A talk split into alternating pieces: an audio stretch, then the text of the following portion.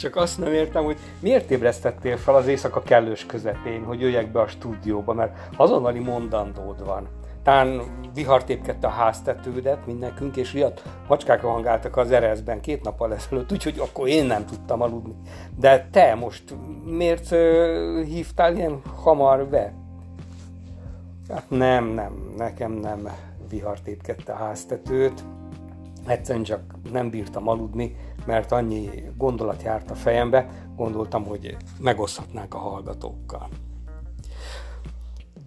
Hát, jól van, hogy pontosak legyünk, ez a TR&U rádió, Trightler rádió, angolosan TR Radio, és itt ül mellettem legjobb barátom Trightler István, önismereti uh, tréner és konzultáns, író. Mielőtt belemennénk a témánkban, hadd kérdezzem meg tőled, hogy igaz-e az, hogy te nem tudod megmondani, hogy miért szereted a feleséged? Hát ez jó kérdés. Tudod, szokták mondani, hogy a nők vagy szépek, vagy okosak, vagy hűségesek. Ezeket a dolgokat mindenki ismeri. De mi van akkor, ha egy olyan feleséged van, ami mind a háromnak megfelel? Szép is, okos is, hűséges is, amikor megismerkedtem vele, akkor mind a háromban ragyogó volt, és a magamfajta embernek, ha nincsen problémája, akkor valamit próbál keresni. Úgyhogy egy ideig töprengtem. Az első tíz éven végen, vége felé, az együtt töltött tíz év vége felé, föltettem magamnak a kérdést, hogy miért pont ő. Ugye, vannak más nők is a világon, az ember jön-megy, miért pont ő? És uh, keresgéltem ezt a témát, és egy, egyszer csak arra jöttem rá, hogy a legjobb válasz az, hogy csak. És ugye ez egy döntés.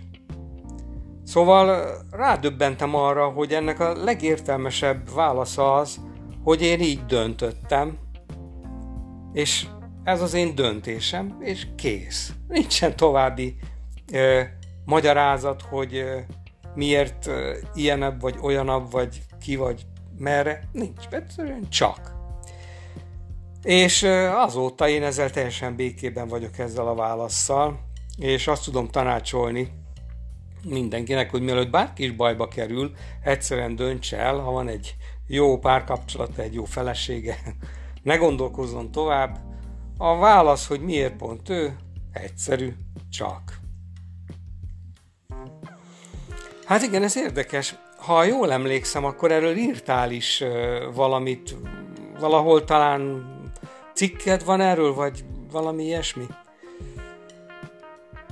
Hát ha nem is pont erről írtam a cikket, de arról igen, hogy milyen igényekkel próbálnak az emberek összeházasodni, vagy pár kapcsolatban élni. És hogy ezek az igények nagyon érdekesek, nagyon sokféle olyan balasztot akaszgatnak a, a, az emberek magukra, meg a párjaikra, amikkel szerintem szinte lehetetlen ö, egy kielégítő, hogy mondjam, megnyugtató párkapcsolatot élni, és ezeket a ballasztokat nem biztos, hogy magával kellene az embernek rángatni az igényei nagy zsákját, Szóval a honlapomon írtam erről, két cikk is megjelent ezzel kapcsolatban. És ott önvizsgálat, párkapcsolat önvizsgálat, azt hiszem ez a címe, párkapcsolat önvizsgálat 1-2, és ugye ez pont erről szól, még van benne egy kis teszt is, amit, amit bárki megvizsgálhat magán meg a párkapcsolatán, hogy vajon azok az igények, amiket a párja iránt támaszt, azok, azok vajon mennyire segítik az ő életüket, vagy akadályozzák. Na, jó van, hát ezt értem, és akkor végül is miért nem bírtál magaddal hajnani légykor, amikor engem föltelefonáltál? Bevallom neked, hogy pár nappal ezelőtt tévéztem. Nálam a tévézés az olyan dolog, hogy én megállapodtam magammal, hogy tévézni tudni kell. Tehát én nem az vagyok, aki kivágta az ablakon a készüléket, nekem megvan még. És én azt tudatosan használom, arra kapcsolom be, ami érdekel. És van ebbe a tévézésbe egyébként egy kis mozi is, valami olyasmi, hogy mások is most nézik, meg most vetítik csak. Persze van, ami megvan DVD-n, és meg tudnám nézni, de ennek van egy, nekem van egy feelingje, és a szüneteket is jól el tudom tölteni, az biztos, hogy akkor nem, nem maradok, nem nézem a hülyeséget, hanem, hanem akkor ugye az ember lezuhanyozik, meg egyebek, meg kicsit vacsorázik, szóval nekünk, nekem ez jól bejött ez a dolog. Hát szóval én éppen tévéztem. Szerintem ezzel elég magadra maradtál. Értelemves ember manapság azért kevés tévézik. Na, és mit is néztél meg? Hát egy dokumentumműsort láttam. Egy dokumentumműsort néztem meg, fölfigyeltem rá. Egy elég szomorú drámai történet, ahol egy igazából egy lányról szól, aki beleszeret egy fickóba, és hogy rögtön elmondjam a rossz részét, egy hajóról, ami ilyen több napos hajóút lehet, éjjel a vízbe zuhan, és lényegében sajnos nem éli túl ezt a dolgot, és ennek a nyomába eredt ez a dokumentumfilm, hogy mi történt. Hát a történetet most röviden valahogy megosztanám veletek, ugyanis a lány egy masszőr, és az egyik kuncsaftja nagyon megtetszik neki egyébként. Volt előtte egy normálisan működő kapcsolata, de ez, a, ez az ügyfele, vagy éppen talán lehet, hogy egyszeri megjelent ott, és egy jóképű fiú, ebbe beleszeret. És elhagyja a régi párját, és egy hallatlan ízó ö, szerelem alakul ki köztük. A, a fiú elmondja neki, hogy ő kiropraktőr, vagy valami hasonló. Szóval a lényeg az, hogy, hogy ő is a masszázs területen, vagy a egészség területén dolgozik, és ezek, ezek szabályosan beleszeretnek egymásba, és a lány nagyon csinos, életre való, dinamikus, és a, a fickó pedig okos és nagyon jóképű, és a, ez a dokumentumfilm fel eleveníti ezeket a pozitív részeit az együtt töltött életüknek, és hogy, hogy mennyire, mennyire jól megvoltak és tervezgették a jövőt, és hogy mennyire nagy ez a szerelem, és végül ugye úgy döntenek, hogy akkor összeházasodnak persze, és elmennek Las Vegasba, és ott összeházasodnak, és utána jön ez a, ez a hajóút. És ez mind gyönyörű volna, de az a helyzet, hogy közben vannak érdekes dolgok. Például elmondja a fiú, hogy ő írt egy könyvet, ami egy, ami az ő életének egy részéről szól, ahol megkínozzák, és a, egy kémtörténet, és beinjekciózzák, és ilyenek. És hát ez érdekes. Én nem tudom, hogy itt a hölgy hallgatóink vannak, akkor vajon, vajon ők hogy reagálnának egy ilyen történetre? Vajon valami fölmerülne, hogy, hogy ez hogy ez igaz, nem igaz, mi van ezzel a fiúval, hogy kerülhetett egy ilyen helyzetbe. De ez a lány, ez nem. Ez, ez, ez el van olvadva, én nem tudom, tehát nyilván a szerelem magas fokon ízik. Aztán van egy olyan szakasz a, a, kapcsolatuknak még a házasság előtt, hogy a fiú bejelenti, hogy fél évre el kell utaznia. És fél évre elutazik a, az államok másik végébe, és bele, és beleegyezik a lány, hogy akkor legyen ez egy távkapcsolat addig is, de ebben is úgy működik, hogy egy héten egyszer tudnak csak telefonálni. Ez a fiúnak a, a lehetősége, úgymond. Hát ez megint egy érdekes dolog. Fölmerül, hogy ti, mint hallgatók, hölgyek, vagy akár fordítva, ez egy férfival töltődik meg, és, és egy, egy, egy, egy lánya szerelmetek állít ilyen helyzetbe, Vajon mi lehet az ok, hogy, hogy heti egyszer lehet csak telefonon beszélni, és az is néha nagyon rövid?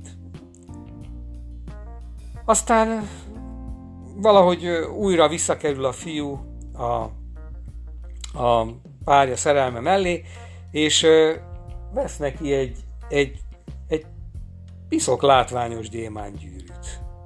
Hát persze, a lány teljesen el van olvadva, és valahogy ugye a családja úgy nem mondom, hogy gyanakszik, de meg elérik, hogy a lány vigye egy ékszerészhez, és kiderül, hogy ez egy mesterséges ékszer, nem igazi, hirtelen nem jut eszembe az anyagnak a neve, biztos tudjátok.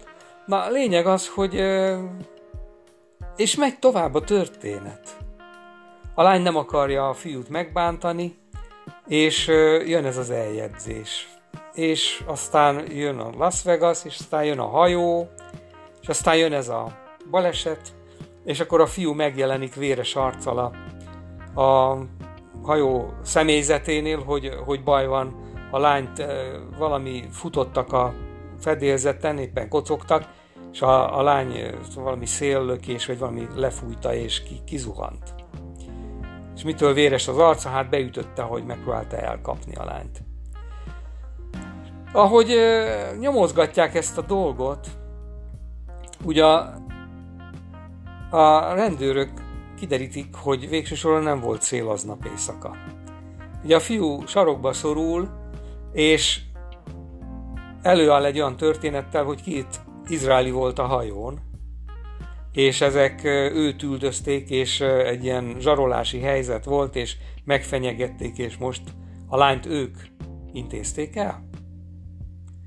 Hát utána néznek, és valóban van két izraeli a hajón, de semmi közük semmilyen kém történethez, semmilyen fenyegető hátterük nincsen.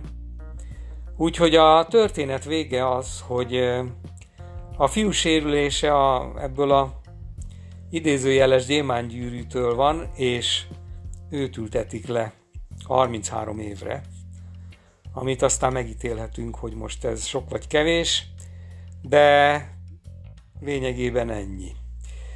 A, miért ezt a történetet most elmondtam, az az, hogy voltak hibapontok. És e, itt a nagy kérdés, hogy miért nem vesszük őket komolyan. Amit látunk, az úgy van. És ugye ez egy elég durva történet, de ahogy én emberekkel foglalkozom, és ugye sokszor párkapcsolati problémák is előkerülnek a, a leltárból, sokszor azt látom, hogy egy-egy rossz kifejletnek, egy-egy, egy-egy rossz történetnek, vagy, vagy megoldhatatlannak tűnő helyzetnek, vagy akár már egy megoldhatatlan szituációnak is vannak előzményei. Egész, egészen visszanyúlnak sokszor a kezdetekig, vagy a kezdetek előttig és olyan, mintha a, a kapcsolat közben reménykednénk, vagy nem néznénk rá olyan dolgokra, amiket láthatnánk. Valahogy ellustulunk, és, és akkor ez az egész dolog ez elfajulhat katasztrofálisba. Szóval akkor azt tanácsolod, hogy, hogy a, a hallgatók figyeljenek jobban oda, és, és higgyenek a szemüknek? Igen, igen, én nekem ez a, ez a meglátásom, és ez az, ami miatt fölébredtem, és úgy gondoltam, hogy ezt el kell mondani. Nem feltétlen ilyen drámai a kimenetele a, az oda nem figyeléseinknek, de bizony lehetnek komoly következményei, úgyhogy én, én emellett állok ki, hogy, hogy igen, legyen nyitva a szemed, figyelj oda a problémákra, és időben kezeld, vagy járj utána, nézd meg, hogy ne, ne egy, egy, egy, egy hamis gyémángyűrűnek járj utána, hogy mi a háttere. Hát ez nem volt egy könnyed téma. Ö, igazából megkérdezném, hogy hol tartasz ö, a nem sokára megjelenő könyveddel. Ha jól hallottam, van, megjelenik egy könyved nem sokára, igaz? Hát igen, a borító tervel dolgozom. Most már tudom, hogy milyen színe legyen, tudom, hogy milyen tárgy lesz rajta, de kicsit belebonyolódtam, mert most a stílusával fogunk foglalkozni. Egyébként meg átolvasom, újra dolgozom. És hogy találod ki a borítót? Megkérdezem az olvasóimat. Igazából ők valamit szeretnek, legyen olyan. Azt mondod, hogy újra átolvasod? És hányszor olvasod át, hogy elégedett légy a könyvvel? Hát ez, ez sok, sok átolvasás egyébként, lehet 6-8, mit tudom én mennyi.